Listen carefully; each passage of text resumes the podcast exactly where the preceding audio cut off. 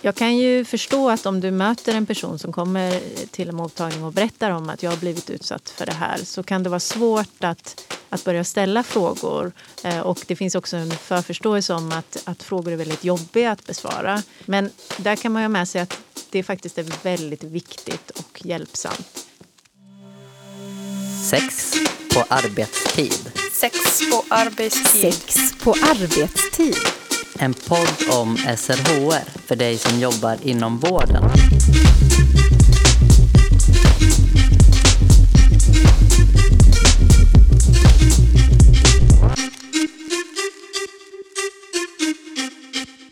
–2018 fick vi en förändrad våldtäktslagstiftning i Sverige. En lag som vi nu ofta kallar för samtyckeslagen. Den stora förändringen i lagen är att sex ska vara frivilligt och att sex där den ena parten inte medverkar frivilligt är våldtäkt. Hur har det blivit sen de här förändringarna genomfördes? Vad kan vi se för resultat? I det här avsnittet har vi bjudit in Moa Bladini, lektor i straffrätt och Sara Uno, docent i sociologi.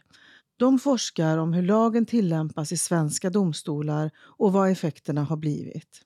Jag heter Anna Skoglund och gör det här tillsammans med min kollega Elin Klingvall.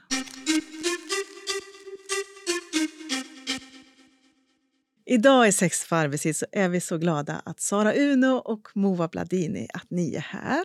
Varmt välkomna. Tack. Tack så mycket. Kul att vara här. Och idag ska vi ju prata om lagstiftningen kopplat till våldtäkt och samtycke. Eh, lagstiftningen ändrades 2018 vad var det som gjorde att det, att det blev en förändring i lagstiftningen? Om vi börjar långt bak så tänker jag att sexualbrottslagstiftningen och våldtäktslagstiftningen har varit föremål för kritik sedan 1965 när eh, brottsbalken infördes. Ehm, av olika skäl. Det finns alltid de som säger att det finns mer att kriminalisera och det finns andra som säger att det här ska vi inte kriminalisera för att det hör till privatlivet och så vidare. Vi ska inte lägga oss i det. Eh, men eh, frågan om samtycke som gränsen för vad som är tillåtet och inte tillåtet eller brottsligt eh, har pågått, hade pågått ganska länge redan då men liksom hela tiden avfärdats av lagstiftaren i olika utredningar. och nu då äntligen, skulle jag säga, 2018 så fick man igenom en sån förändring. Kanske att det kanske är spekulationer, men, men metoo eh, kom ju också där eh, på hösten 2017. Eh, så kanske att det påskyndade också processen lite. Vilka förändringar har gjorts i lagstiftningen idag mot hur det har sett ut tidigare? Mm, den allra ja, viktigaste då kanske förändringen är ju att det numera gränsen mellan det tillåtna och otillåtna istället för att bygga på att någon har tilltvingat sig sex genom hot eller våld eh, eller tvång på annat sätt så går gränsen istället vid eh, samtycke eller frivillighet heter det i, i lagens termer. Det är väl den allra största förändringen. Eh, en annan ändå viktig förändring är också att ehm, man numera kan dömas för något som heter oaktsam våldtäkt. Alltså jag var inte helt fullt eh, medveten om att eh, du inte var med på det här men jag borde ha insett det och jag var vårdslös eller oaktsam när jag körde på ändå. Kan du ge ett exempel på hur en sån situation skulle kunna vara så att man förstår? Eh, kanske att en eh, en sån situation skulle kunna vara att det har pågått någon slags eh, flört, säger vi, innan. Eh, och sen så är, jag, jag pratar ofta i termer av hon och han. Eh, och det är framförallt för att statistiken ser ut sån att det är hon som är den som är utsatt och han är den som är pådrivande och eventuellt förövare. Eh, så det gör jag ofta i mina exempel då.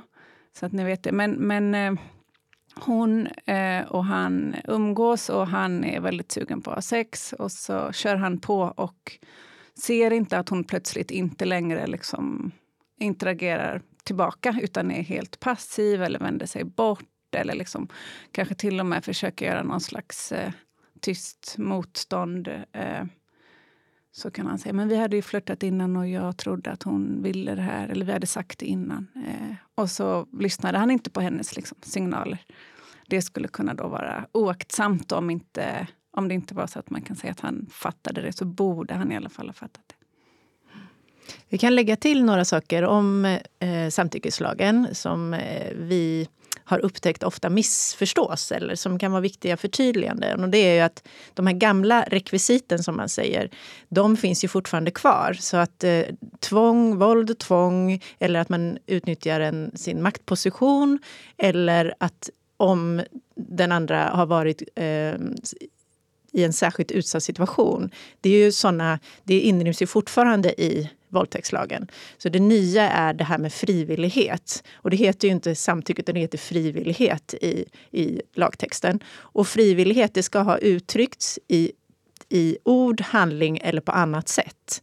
Och det är också en sån här viktig fråga, för det finns ju vissa vantolkningar av att man måste ha sagt jag vill eller skrivit under ett kontrakt eller något sånt för att det ska vara eh, okej okay att, att fortsätta interagera som aktiv part. Då. Men det är ju inte alls så, utan det är ju mycket, mycket vidare vad som kan vara ett uttryck för frivillighet. Och det tycker jag är viktigt att, att, att föra fram, så att säga. Att det, det är en viktig nyansering. En annan sak kanske som vi också ska lägga till då, som handlar om hur man eh, förstår och tolkar lagen, det är att um, det är viktigt vad jag kommunicerar. Alltså det är det som är, om jag, om jag tänker jag vill inte och känner jag vill inte men jag säger ja. Då är det liksom vad jag har sagt som är det som spelar roll. Tänker Så att det handlar inte bara om hur jag, det är inte bara vad jag kände och ville inuti utan det handlar också om vad jag på olika sätt har kommunicerat utåt. Så kanske trots att det blir en passivitet eller någon som, att en person som har sagt ja fastän den inte vill och kanske med sin kropp på något sätt ändå signalerar väldigt tydligt att Nej, men det här är inte någonting jag vill. Mm. Men är det verbala, väger det då tyngre än vad liksom kroppen visar? Bra fråga. Alltså det blir ju en... Eh, I, rätt, I rättslig mening, alltså idén är ju att även motståndet med kroppen ska spela in. Eh, men sen blir det en bevisfråga. Och det är ju, eh, så därför så tittar man på situationen som helhet. Då. Hur har det här liksom kommunicerats med, med ord och på annat sätt? Och orden är väldigt liksom lätta att, att förstå och tolka. Och kroppsspråket skulle ju kunna vara svårare att, att tolka. Så det blir, en, ja, det blir en bevisfråga helt enkelt. Och kan säkert gå åt båda håll i ett sånt fall. Och, och då handlar det ju inte om att det inte är fråga om en våldtäkt utan om att det inte är bevisat bortom rimligt tvivel. Och visst var det så att i och med den här revideringen av lagen 2018 att man, man också ville flytta bevisbördan lite från offret till förövaren? Stämmer det?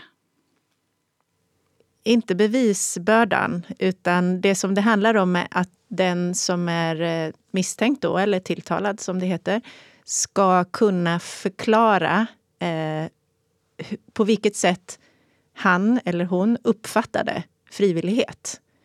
Så att det handlar om en förklar man pratar om förklaringsbörda, att man ska lägga mer tyngdvikt vid hur den tilltalade förstår situationen. Eh, förut om du tänker att det var, handlade om tvång eller våld så handlade det om att bevisa bevisa tvånget eller våldet. Och det var inte så viktigt hur den tilltalade hade uppfattat det utan då försökte man hitta ja, objektiva bevis för att det hade upp, varit en sån situation. I det här fallet så handlar det om uttryckt frivillighet och uppfattad frivillighet eller ofrivillighet. Så, och då blir det ju så att, att den tilltalade inte tjänar på att bara vara tyst utan att det blir ett mer mer fokus på den tilltalade. Kan bli i alla fall. Det är lite olika olika rättegångar, men det är väl så skulle man kunna säga.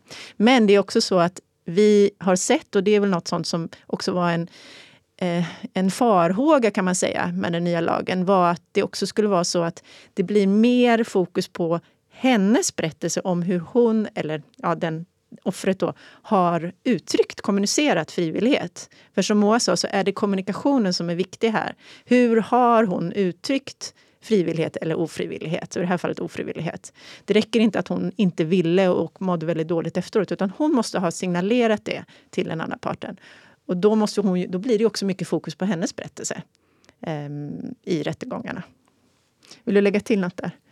Nej, jag tänkte nog också att vi skulle understryka det att det var en farhåga att det skulle bli mer fokus på hennes eh, eh, uttryck och beteende och berättelse Um, och det vet jag inte om det har blivit, men inte mer, för det har nog alltid varit ganska mycket fokus på offrets berättelse. Men även idag. men, vissa, men vissa åklagare tycker jag är skickliga som säger men och istället då riktar in sig på den tilltalade och säger men vad gjorde du för att försäkra dig om att hon var med? För det är ändå en helt annan ingång.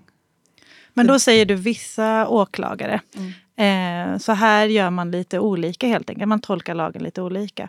Kan ni berätta lite? För det, det är ju det som er forskning bygger på också. Ni har ju varit runt på väldigt många olika rättegångar. Ni har intervjuat åklagare, domare. Eh, hur stor roll spelar det eh, vem som är åklagare eller domare i ett fall? Hur man tolkar den här lagen?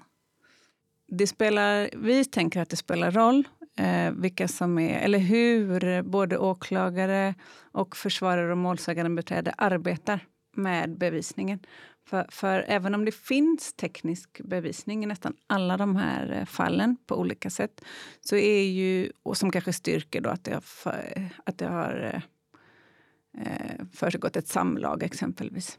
Men, men frågan är ju då var det frivilligt eller inte och förstod han det eller inte. Och då, och då, handlar ju, då hamnar deras berättelser i fokus.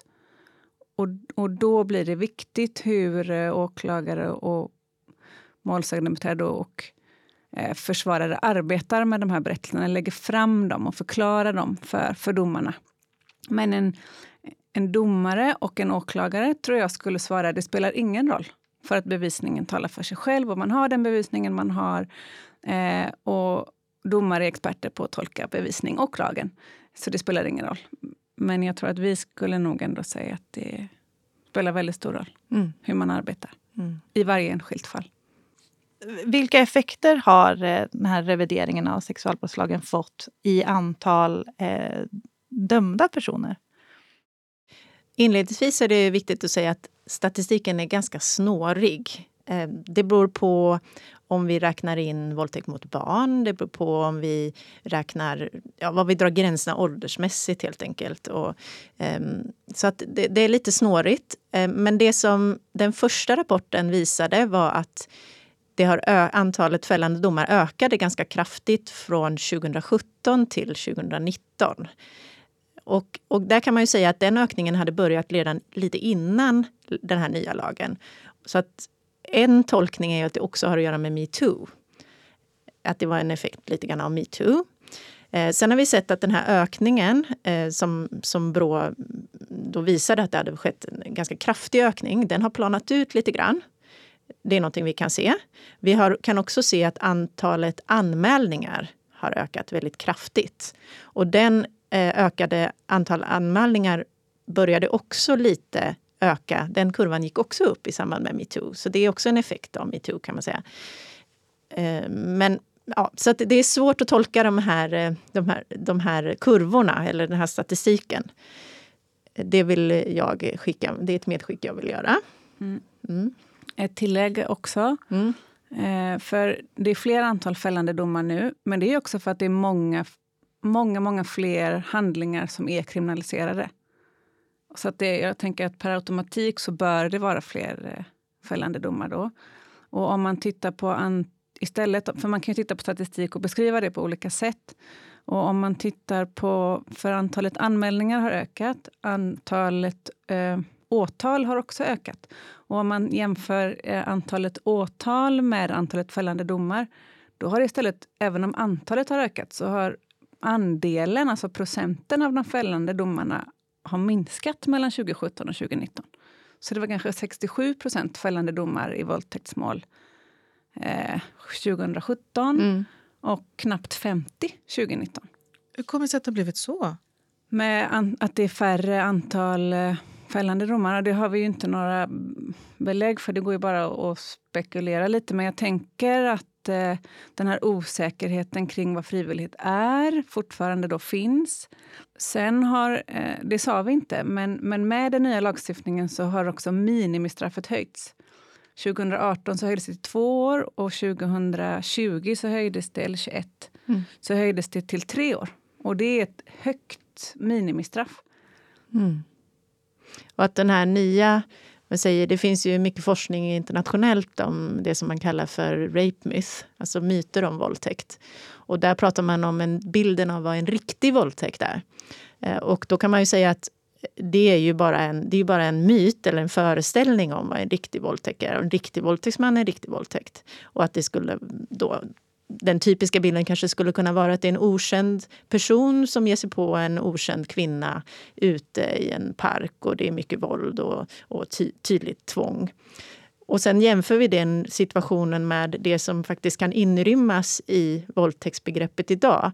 Även om det heter oaktsam våldtäkt så är det fortfarande begreppet våldtäkt som används. Det behöver inte föreligga tvång, tydligt tvång, det behöver inte föreligga våld, kvinnan behöver inte vara utslagen. Av, eh, om vi, utan det kan vara en, en, liksom en, en situation med två unga unga personer på 15-åriga som kanske har druckit alkohol för första gången och där det sker då ett, ett övergrepp. Och den då 15-åriga kanske killen och den 15-åriga tjejen, båda är helt förstörda, det sitter familj med i rättssalen och så. Det är ju en, helt, det är en väldigt speciell situation och en väldigt eh, svår situation för alla inblandade att hantera juristerna. De är inte, försvarsadvokaten och åklagaren är inte vana vid att ha den typen av åtalade i rättssalen. Och där kan vi ju se att, att det, det kan vara svårt helt enkelt. Särskilt då när straffet ökar och, och påföljden är ännu eh, allvarligare, då, tre års fängelse. Och att det är ett väldigt stigmatiserande brott fortfarande. Så ja, det kan vi se. Och det, jag tycker det är intressant att jämföra med andra mål. Det säger våra varför det är svårt att jobba med våldtäktsmål som professionell eh, eh, åklagare, försvarsadvokat eller målsägandebiträde eller eh, domare. Det är ju också för att de här målen är väldigt... Eh, utfallet är betydligt mer osäkert. I vanliga fall så är fällandegraden mycket högre. Alltså I andra brottmål är fällandegraden fällande mycket högre, över 90 procent. Men i de här målen så är det ungefär 50 procent. Så att det är svåra mål på så sätt att utfallet är, är, är oklart, så att säga. Eller mer oförutsägbart helt enkelt. Och det är jobbigt i relation till, till klienterna, till den utsatta och den tilltalade. Um, ja. Så det är mycket känslor och mycket emotioner, något som vi är intresserade av. Att se vilken betydelse har emotioner för hur de här målen behandlas. Vilken betydelse har emotioner för hur de här målen behandlas? Vad, vad kommer ni fram till? Att de har stor betydelse. Eh, men det ska man också säga att det har det alltid i rättssalen. Och det är en del av den forskning som eh, MOA och MOA och även andra kollegor till oss som Åsa, Åsa Wettergren och Stina Bergman Blixt och en, en rad fram, väldigt framstående svenska forskare har undersökt just emotioners roll i rättssalen i alla typer av mål. Och där en av huvudpoängen är att emotioner har betydelse för allt beslutsfattande, inte bara i rättssalen utan generellt. Att vi kan inte fatta rationella och objektiva beslut utan att använda oss av emotioner. Eh, och en utav, utav de är ju sammanlänkade. Och en av våra huvudpoänger är att om du ska vara en, kunna vara en, en, en skicklig jurist i de här målen, alltså oavsett vilken position du har, så behöver du ha förmågan att känna empati. Och det, betyder, det är inte samma sak som sympati, utan empati handlar om att sätta sig in i situationen. Vad hände den här kvällen? Hur kan den ha uppfattats av de olika parterna? På vilket sätt kan hon ha uttryckt frivillighet och vad, vad var det och hur tolkades det? och situationen i sin helhet. Och då kräver det empati och empati är, har med känslor att göra. Du behöver kunna sätta dig in i vad kände hon? Vad uttryckte hon? Hur tolkades det? Så emotioner har stor betydelse. Ja, mm. absolut. Och det är särskilt laddat kanske i de här målen. Men jag tänkte på en fråga som... Eh, två frågor som ni redan har ställt. En handlade om eh, varför det kanske då är ännu lägre antal fällande grad nu och hur, eh, hur görs eller hur liksom jobbar de olika aktörerna med Eh, de här målen. Och också apropå det som du sa nu, för jag, jag tänker att försvarsadvokaterna är ganska skickliga på att eh, både beskriva logiken av sin då klients, alltså den tilltalade situation och agerande, men också väldigt duktiga på att måla ut eh, en irrationalitet och liksom onormalitet i hur hon har betett sig. Alltså, två personer är hemma eh, på natten. Hon har följt med honom hem, han är en bekant eller hon har stannat kvar där på natten. Eh, och så utsätts hon för ett övergrepp och så säger försvararen, men varför åkte du inte hem? Varför ringde du inte dina föräldrar? Varför tog du inte en taxi? Och det kan ju låta irrationellt. Då. Varför gjorde du inte det om du, om du inte ville vara där? Men så vet man också kanske som kvinna att så här, nej, jag tar nog helst inte en taxi klockan fyra på natten. Jag är nog hellre här hos den här personen som ändå är bekant. Eller jag vill inte åka spårvagn heller själv mitt i natten. Jag vill heller inte ringa mina föräldrar när jag är 16 år eller 15 och säga att jag är hos en liksom manlig bekant som är 10 år äldre mitt i natten och kanske också berusad. Så att, och där är försvarsadvokaterna jätteskickliga på att måla ut den här liksom irrationaliteten i hur hon har hanterat situationen som gör att hon inte framstår som särskilt trovärdig. Medan eh, åklagare och målsägandebiträde inte ramar in liksom, berättelserna på det strategiska sättet. Så att hennes logik kommer inte alltid fram. Vad skulle de behöva, åklagare och målsägandebiträde, för att, för att träna sig mer eller kunna bli bättre på att, att skapa den här berättelsen som, som beskriver hur det har varit? Eh, ja, men jag tror åklagare brottas lite med att de också har en objektivitetsplikt. Alltså de behöver egentligen vara objektiva även under rättegången och se till oj, det här kommer det fram bevisning som talar för den liksom, tilltalades eh, till hans fördel. Så, så de, för dem så är den här liksom strategiska inramningen lite utmanande. Tror jag. jag tror egentligen några gör det ändå och tänker att det, det är okej. Okay. Och speciellt om den tilltalade har en försvarare så finns det ju någon där som, som kan ta den rollen. Men, men det finns en, en utmaning för dem i, i deras roll och hur de ska bära upp den. För de företräder ju inte målsägande åklagaren, utan de företräder ju staten. De prövar, den här lag, de prövar det här målet i förhållande till lagstiftningen. Och, och, och, så att Eh, målsägandens part är ju målsägandebiträdet. Så det blir målsägandebiträdet som blir den också en väldigt viktig person här. Eh, och där kan målsägandebiträdet tolka sin roll lite olika. En del målsägandebiträden de, de ser sin roll som ganska begränsad, att jag är här för att, eh, för att se till att, att målsäganden får det skadestånd som hon eller han är berättigad till. Och inte så mycket går in och biträder åklagaren. De kan ju välja där om de vill gå in då och hjälpa till och också slutplädera och berätta en, liksom för, föra fram den här berättelsen. Så att de kan vara mer eller mindre aktiva under rättegången. Eh, och och vi kan se att de eh, målsägandebiträden som också jobbar som försvarsadvokater, för att det, de är inte, oftast inte specialiserade utan de ofta um, har erfarenhet av båda positionerna i rättssalen.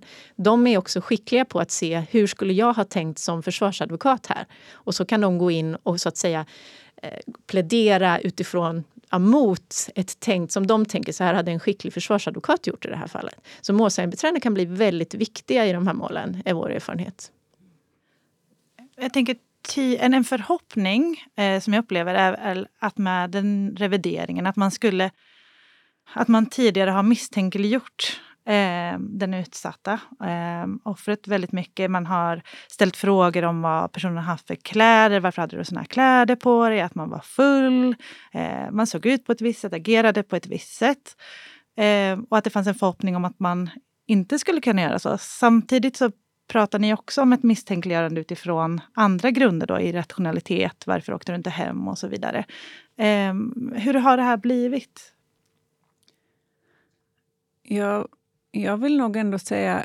Um, när jag, för länge sedan när jag läste juridik eh, så, läste, så fick jag höra om och läste Flickan och skulden av Katarina Wenstam där hon beskrev just det här oerhört liksom, kränkande alla kränkande frågor som brottsoffer utsattes för eh, i våldtäktsrättegångar eh, då.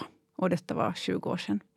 Eh, och jag vill ändå säga att liknande typer av frågor ställs fortfarande. Det handlar ju om kläder och hur kom byxorna av? Och liksom, de byxorna var ju tajta, hur fick du av dem utan att märka det? Alltså det finns den typen av frågor.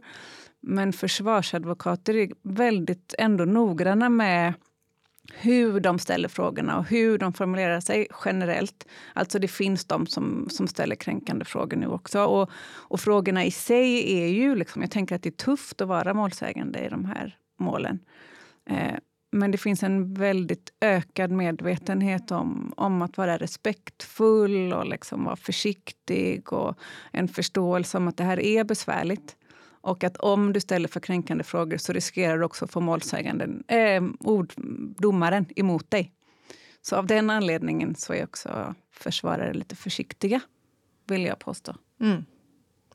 de är väl medvetna om att det finns... Man pratar om, en, en bakgrund till lagen var också det man kallar för sekundär viktimisering. Det vill säga, det finns ju en väldigt stark medvetenhet om att, att det kan vara så att rättegången upplevs som en, an, en andra våldtäkt för de här kvinnorna. Och den, den medvetenheten finns eh, hos alla aktörer i rättssalen skulle jag säga. Det, det är på något sätt, det säger försvarsadvokaterna, när man kommer in i salen så ligger sympatin hos henne. Det, det är henne, det är hon som är den utsatta. Våldtäkt är väldigt stigmatiserande, men nu prövar vi det här. Och därför är de försiktiga, som Moa säger, med att, att föra fram den typen av väldigt explicit eller tydligt eh, skuldbeläggande frågor. Om, men det finns ändå, som Moa säger, eh, en, en, eh, ett, ett, eh, de gör det på lite skickligare, lite skickligare sätt helt enkelt. Eller skickliga utifrån det perspektivet lite mer. Ehm, de till exempel använder slutpläderingarna mer för att att skriva fram en berättelse snarare än kanske att ställa frågorna direkt till målsägande. Så, så kanske de bara ställer lite sådär, ja men de planterar bara vissa idéer. Eh, de, de vill egentligen inte ställa några öppna frågor utan de ställer bara frågor som, som de tycker att de kan använda i sin slutplädering sen. Svar som lite ledande frågor helt enkelt så att de kan använda det i sin slutplädering sen. Och det kan leda till att hon ändå framställs då som, som irrationell eller framförallt otydlig, ambivalent.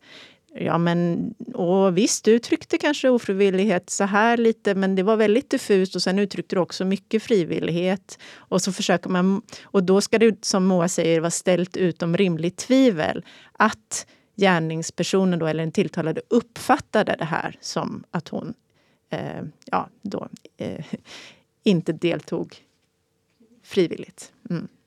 Så det är lite mer eh, subtilt agerat helt enkelt skulle jag säga som svar på den frågan. Mycket hälso och sjukvårdspersonal möter ju personer som ganska nyss eller sen tidigare har erfarenheter av övergrepp och det kanske ska ha blivit en anmälan och, och det ska gå vidare. Och så här. Vad är viktigt att tänka på i det här läget? För ibland blir ju personal kallade som vittnen och journaler och så vidare. Vad ska man tänka på där? Jag skulle säga att och detaljer är väldigt viktigt. Eh, och det kanske det i och för sig är, om man är sjukvårdspersonal så kanske den typen av detaljer också mm, liksom naturligt är viktiga. Men jag tänker så här, för, för gemene man att prata om sex så är ju detaljer inte det man... Det är det man undviker så, så långt det går, oftast. tänker jag. Eh, men dokumentation och detaljer eh, Ja, vi pratade om det här med frozen fright också, alltså det här med passiviteten. och att Det är ju väldigt vanligt att hamna i, i, i frozen fright.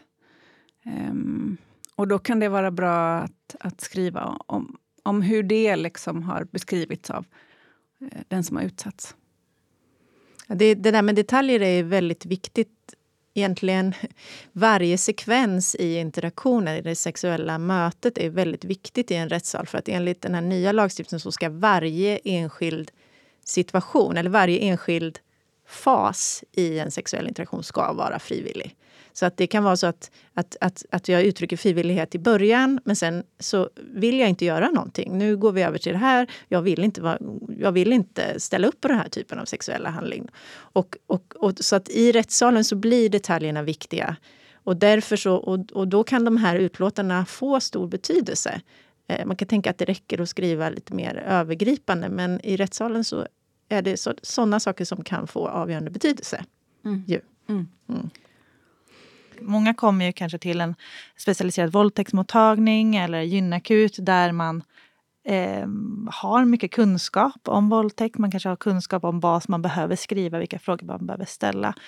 Men en del kommer ju till en, en vanlig akut Eh, till exempel här i, i Västra Götaland så, så, så kommer män, transpersoner, ska vända sig till den vanliga akuten, hamnar i en vanlig triage. Man möter kanske läkare som inte är vana att möta personer som precis har blivit utsatta för en våldtäkt. Vad är viktigt? Vilka frågor är viktiga att ställa för att just kunna skriva ner den där berättelsen och få med de där detaljerna? Ja, jag tänker att eh, vad hände? Hur upplevde du situationen? Vad gjorde du? Ehm, hur uttryckte du frivillighet, kanske?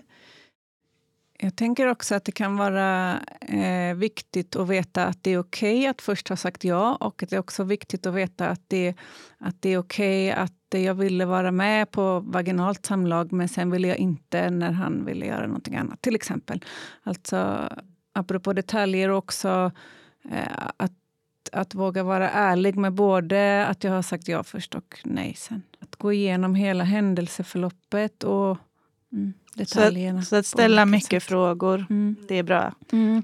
Och sen tror jag också att dokumentera då svaren eh, och att kunna återge dem ganska detaljrikt i rättssalen. För att om det finns ett glapp mellan vad du har skrivit ner i din rapport eller liksom undersökningsprotokoll eller minnesanteckningar eh, och sen så säger du något lite annat under eh, rättegången så kommer försvarsadvokaten genast och vara på det och säga men du sa ju så här då, kan det inte vara så att du har den här typen av mål? Det möter du dagligen och hur kan du veta att det var just den här personen den gången? Och så? Kan du inte ha blandat ihop det? Och då blir genast vittnesmålet lite mindre trovärdigt. Eller tillförlitligt. Inte ta saker för givna, utan till exempel att om, om du uppfattar att det här är eh, ett, att den uttrycker att den har försatts i frozen fright. Skriv det explicit och vad som tyder på det. För att Eh, vi vet ju, det finns ju väldigt internationellt viktig forskning från Södersjukhuset eh, som visar att sju av tio som kommer till, till mottagningen för våldtagna i, på Södersjukhuset har upplevt frozen fright. Eh, och det tycker jag är väldigt viktigt eftersom den här nya lagen då där, eftersom passivitet har så stor betydelse. Att passivitet enligt propositionerna ska tolkas som ett uttryck för oförenlighet generellt sett. Men sen väger man in situationen i sin helhet som Moa säger. Eh, men, men det tycker jag är ett jätteviktigt medskick. Är just termen frozen fright viktig? Eh, eller kan man skriva passivitet eller att det, personen var passiv under tillfället? Eller är det just den här eh, att använda sig av frozen fright som en term som är viktig? Jag tror att det kan vara hjälpsamt. Alltså om man känner sig trygg med att göra en sån koppling eller tolkning så tror jag att man ska vara explicit med det. Faktiskt. För jag tror att passivitet kommer inte alls landa på samma sätt som frozen fright. Eh, ett tillägg bara till det här med frågor. Eh, Eh, att, att ställa mycket frågor och sådär. Jag tänker att det kan vara viktigt att ställa frågor och försöka få patienten att säga att eh, hon eller han har blivit utsatt för ett sexuellt övergrepp eller en våldtäkt. Eh, Hur menar du då? Själv. Ja, men det finns också en, en strategi som, som eh, försvarare har där man, där man försöker peka ut att den här, den här idén om att hon var utsatt för våldtäkt kommer ju egentligen inte från henne utan det är någon annan som säger du har nog blivit utsatt för en våldtäkt. Och då kan de liksom spinna vidare på det för att ingjuta tvivel som skulle kunna leda till en friande dom. Så att om det går så är det bra att försöka få, att i ett första skede försöka få patienten själv då säga att jag tror att jag blivit utsatt för ett sexuellt övergrepp eller våldtäkt. Jätteviktigt tillägg. Mm.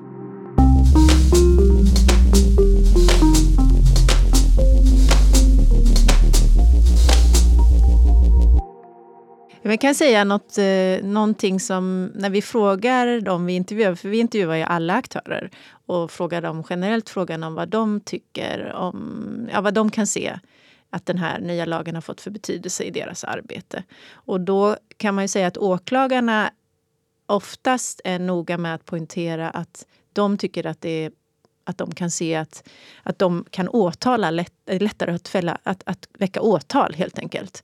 Att det finns situationer som förut inte var möjliga att åtala för. Så att de ser ju positivt och menar att det, att, den, att, att det kan ha fått väldigt positiva effekter på det sättet. Eh, och det är viktigt att lägga till, för vi har en tendens som forskare att leta upp alla typer av problem och, och sådär. Eh, och vi, men, men det är viktigt att lyfta fram tycker jag som en positiv effekt. Och det var intentionen. Jag håller med. Och jag tycker också att eh, redan tycker jag att jag kan se att även åklagare och målsägandebiträde har blivit eh, bättre. Eller liksom, de, de har lärt sig hur de ska jobba med den här lagen. Så jag tror att de där första initiala utmaningarna har de kommit till rätta med i ganska stor grad. Vad kan man se kring när det handlar om en särskilt utsatt situation?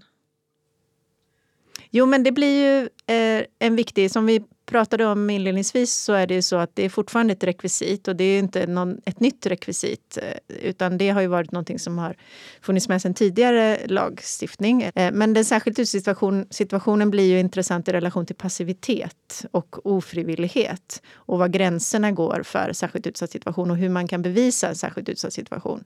Eh, nu får Moa ta över. Hur definierar man det i lagen? Ja, men det skulle kunna vara att man är väldigt eh, berusad till exempel. Så att man liksom inte riktigt kan ta hand om sig eller försvara sig på olika sätt. Eller att man sover? Ja, ett annat exempel. Men om det kommer in en person eh, som är i, i chock till exempel eh, eller väldigt, väldigt berusad och inte kan ge den här detaljerade berättelsen. Eh, vad kan bli viktigt att tänka på då som hälso och sjukvårdspersonal, alltså i, i sin dokumentation? Att vara så detaljerad som möjligt när det gäller det egna intrycket av personen. Att då skriva precis det, att det här är en person som jag uppfattar var, är i chock eh, som säger att hon har eh, upplever sig ha blivit drogad eller som är berusad, säger att hon har druckit. Att skriva ner så mycket detaljer som möjligt. För det kan ju få betydelse så, så tillvida att det är en förklaring till varför berättelsen inte är så detaljerad om vad som har hänt.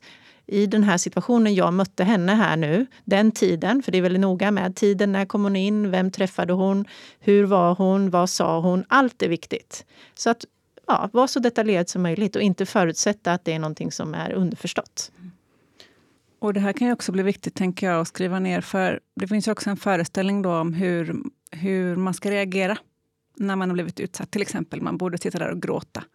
Och så gör hon inte det för att hon är i chock. Så tänker jag att det är också hjälpsamt att skriva. Men hon var i chock så hon hade inte ens förstått vad hon hade blivit utsatt för ännu.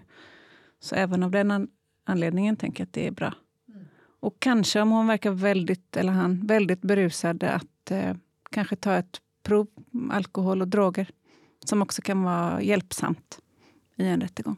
Och för att förstå varför det är hjälpsamt, det är också viktigt att poängtera i de här målen, så kan det ju vara så att det är två berättelser om vad som har hänt som står emot varandra. Och vad blir då viktigt? Jo, men det blir viktigt hur hon har agerat efter själva situationen. Man pratar om det slutna rummet. Det här har kanske hänt i ett slutet rum. Ingen, var, ingen bevittnade själva interaktionen, situationen, den påstådda våldtäkten. Och då blir det viktigt vittnesmålen om vad hände innan.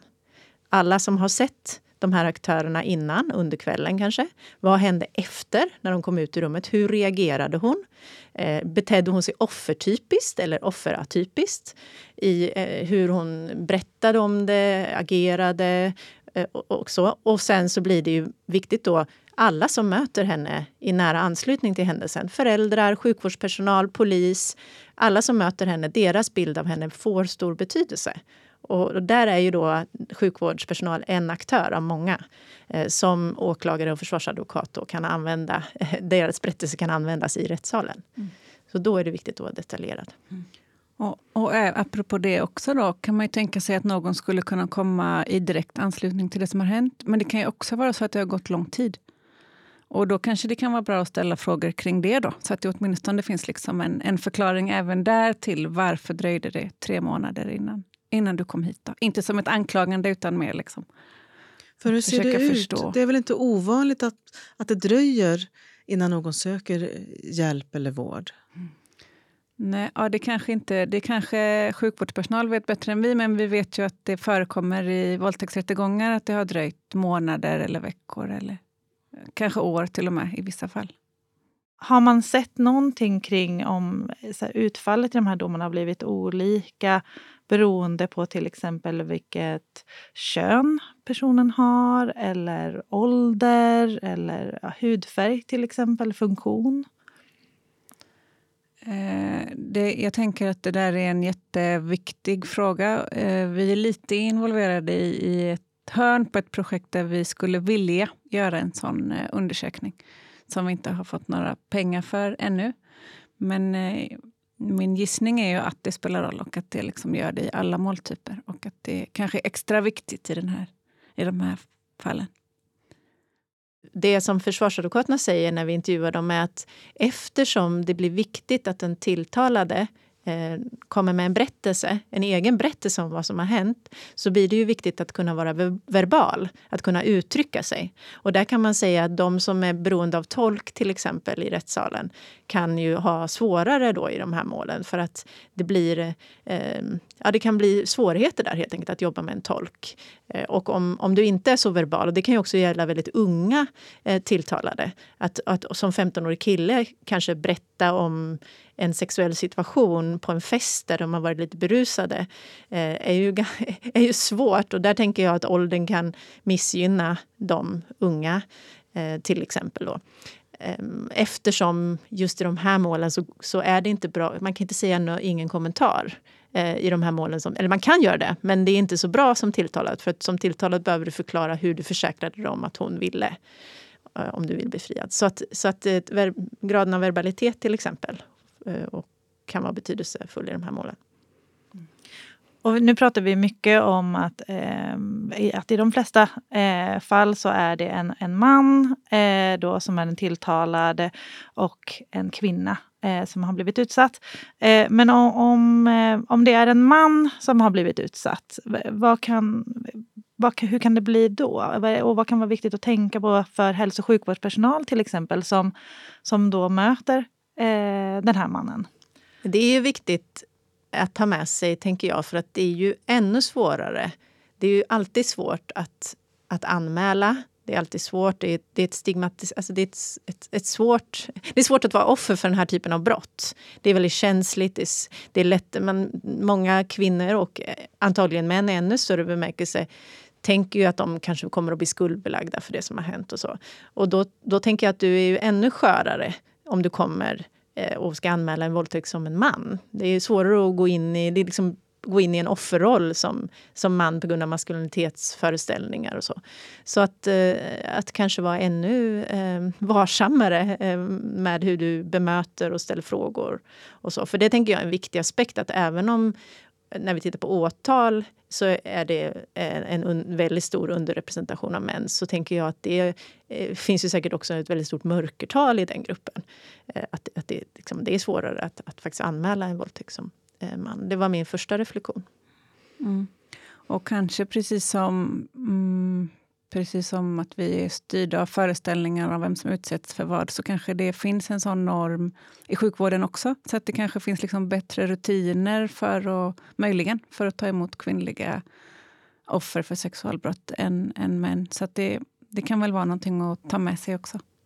En annan vana vid vilka typer av undersökningar som ska göras mm. och så, hur skadorna kan yttra sig och, och, och även reaktioner, eh, offerreaktioner. Så att, att det på något sätt är ändå en atypisk person, ett atypiskt offer.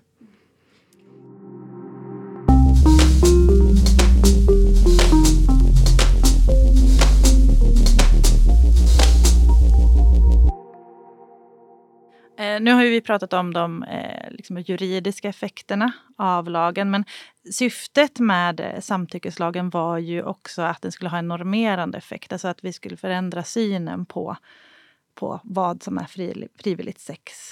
Eh, tycker ni att den har fått en normerande effekt i samhället? Inledningsvis så är det viktigt att säga att det är inte något som inryms. Den typen av frågeställning har inte vi i vårt forskningsprojekt. Eh, däremot, eh, så det, det, har inte vi data om så att säga, men däremot så tycker jag att vi kan se att diskussionen om samtycke, ömsesidighet i sexuella relationer eh, eller sexuell interaktion och så är någonting som jag tror att framförallt unga pratar väldigt mycket om, skulle jag säga. Eh, jag tänker att i, i kombination med metoo-rörelsen metoo så har, har diskussionen om vad ömsesidighet i sexuella relationer betyder eh, lyfts under de senaste åren, skulle jag säga. Det finns ett aktivt arbete för att förändra normerna på många olika sätt genom utbildning och genom lagen. Men det, jag tycker det är lite intressant också med den här lagen för att å ena sidan tänker jag att den har tillkommit för att det redan fanns en normförskjutning. Alltså vi hade redan en... Många var ändå övertygade om att det här borde också vara våldtäkt och så har man ändrat lagen. Eh, samtidigt som det då tänker jag, har funnits ett glapp i. Det är inte alla som är överens om att det här ska vara våldtäkt men kanske att det ändå då rör sig åt det hållet. Men om man jämför den här lagen med när eh, förbudet mot att aga barn kom i slutet av 70-talet så, så hade man den också ett syfte av att skapa liksom, en kultur i samhället och vi inte slår barn. Men det var ju många som var motståndare till den här lagen då. Men i, om vi tittar på det idag eh, med liksom 50-årigt perspektiv eller 40-årigt perspektiv så, så är det ju inte så många som, som tycker eh, att vi ska slå barn. Kan ni liksom tänka kring det här ur liksom ett tidsperspektiv, hur det kan förändra eh, synen på sex?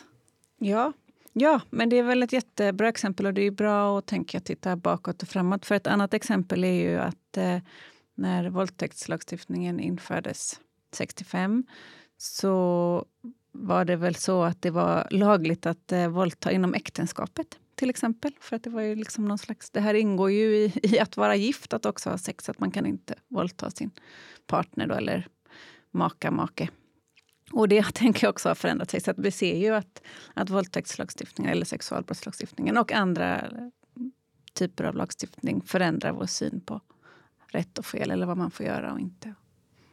Sexköpslagen är ett annat exempel mm. där vi har sett och vi har ett annat forskningsprojekt som handlar om hur diskussionerna kring de här revideringarna av våldtäktslagen har sett ut från 1965 till idag och vilka argument som har förts fram för och emot olika förändringar av lagen. Eh, så vi kan ju se att det har ju skett en väldig förskjutning över tid.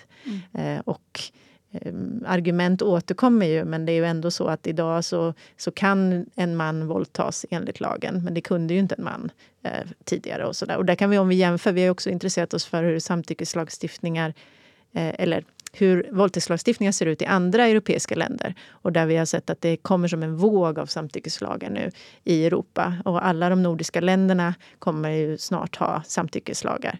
Eh, medan 2018 när Sverige införde sin så var det ju Island och Sverige som eh, införde lagar. Men sen har ju de andra länderna kommit efter det. Det finns lagförslag i, i Norge nu då. Så att vi ser ju en allmän förskjutning av synen på våldtäkt. Men inte i alla länder. Så det är fortfarande så att Sveriges lag är ganska, ändå ganska radikal, får man säga. Men eh, trots den här radikala lagen så har ju ni i er forskning eh, sett brister.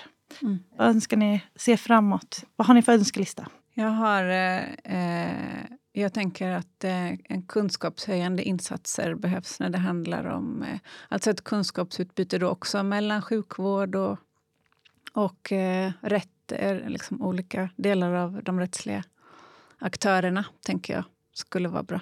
Hur vi ska använda oss. Det finns till exempel i de här målen ofta mycket sms-konversationer och eh, kanske filmer och sånt, eh, mobilmaterial.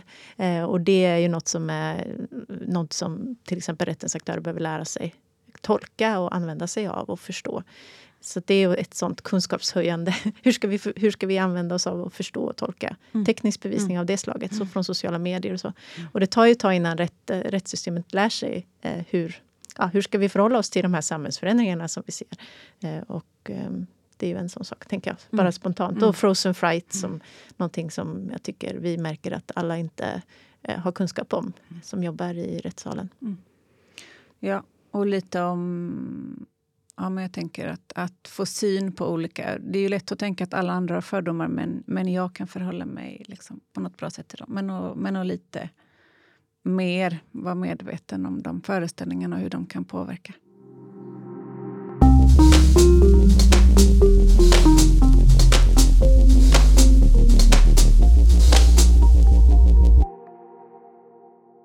Det har varit jättelärorikt att ha er med här idag.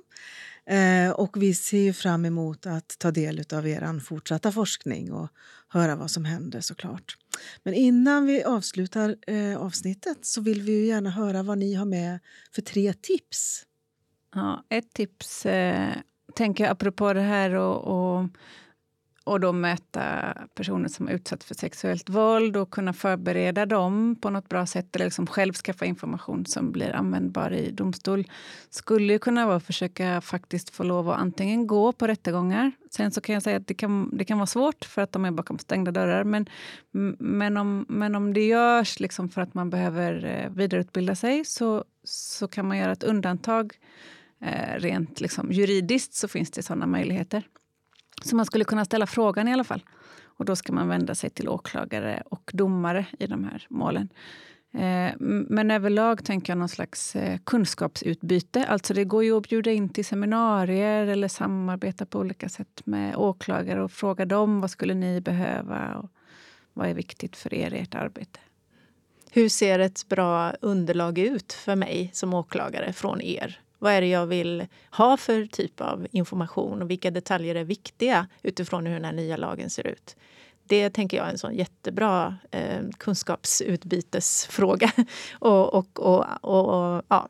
och även att det finns möjlighet kanske för de som jobbar eh, och möter de här eh, personerna att ställa frågor om lagen. Vad betyder då det här? På vilket sätt kan vi ställa frågor om frivillighet? Ehm, ja, vad är ett bra underlag helt enkelt för er att jobba med? Mm. Och ett tips som vi redan har sagt då, det är ju också det här med att, eh, att ställa mycket frågor och dokumentera allt som man lägger märke till då, med beteenden och skador och, och så vidare. Jag kan ju förstå att om du möter en person som kommer eh, till en mottagning och berättar om att jag har blivit utsatt för det här så kan det vara svårt att, att börja ställa frågor. Eh, och det finns också en förförståelse om att, att frågor är väldigt jobbiga att besvara. Men där kan man ha med sig att det faktiskt är väldigt viktigt och hjälpsamt för den utsatta att få frågor. Och det handlar ju bara om att, att be dem berätta om vad som har hänt. Hur, vad hände innan? Vad hände? Det, det ska inte vara ett polisförhör men det ska handla om, om att, att få detaljer om hela situationen helt enkelt, så mycket som den, den kan. Och sen så får man ju använda sin egen mänskliga liksom, inkänningsförmåga för att inte göra det till överdrift såklart. Men, men att tänka att det ändå är väldigt viktigt och hjälpsamt. Och, och att, ni, att det är en viktig nyckel i, i polisutredningen. Det här det är en viktig pusselbit, ehm, det här utlåtandet. Tusen tack för att ni har medverkat i Sex på arbetstid. Tack för att vi fick vara med. Ja, tack, det var jättefint att få komma hit.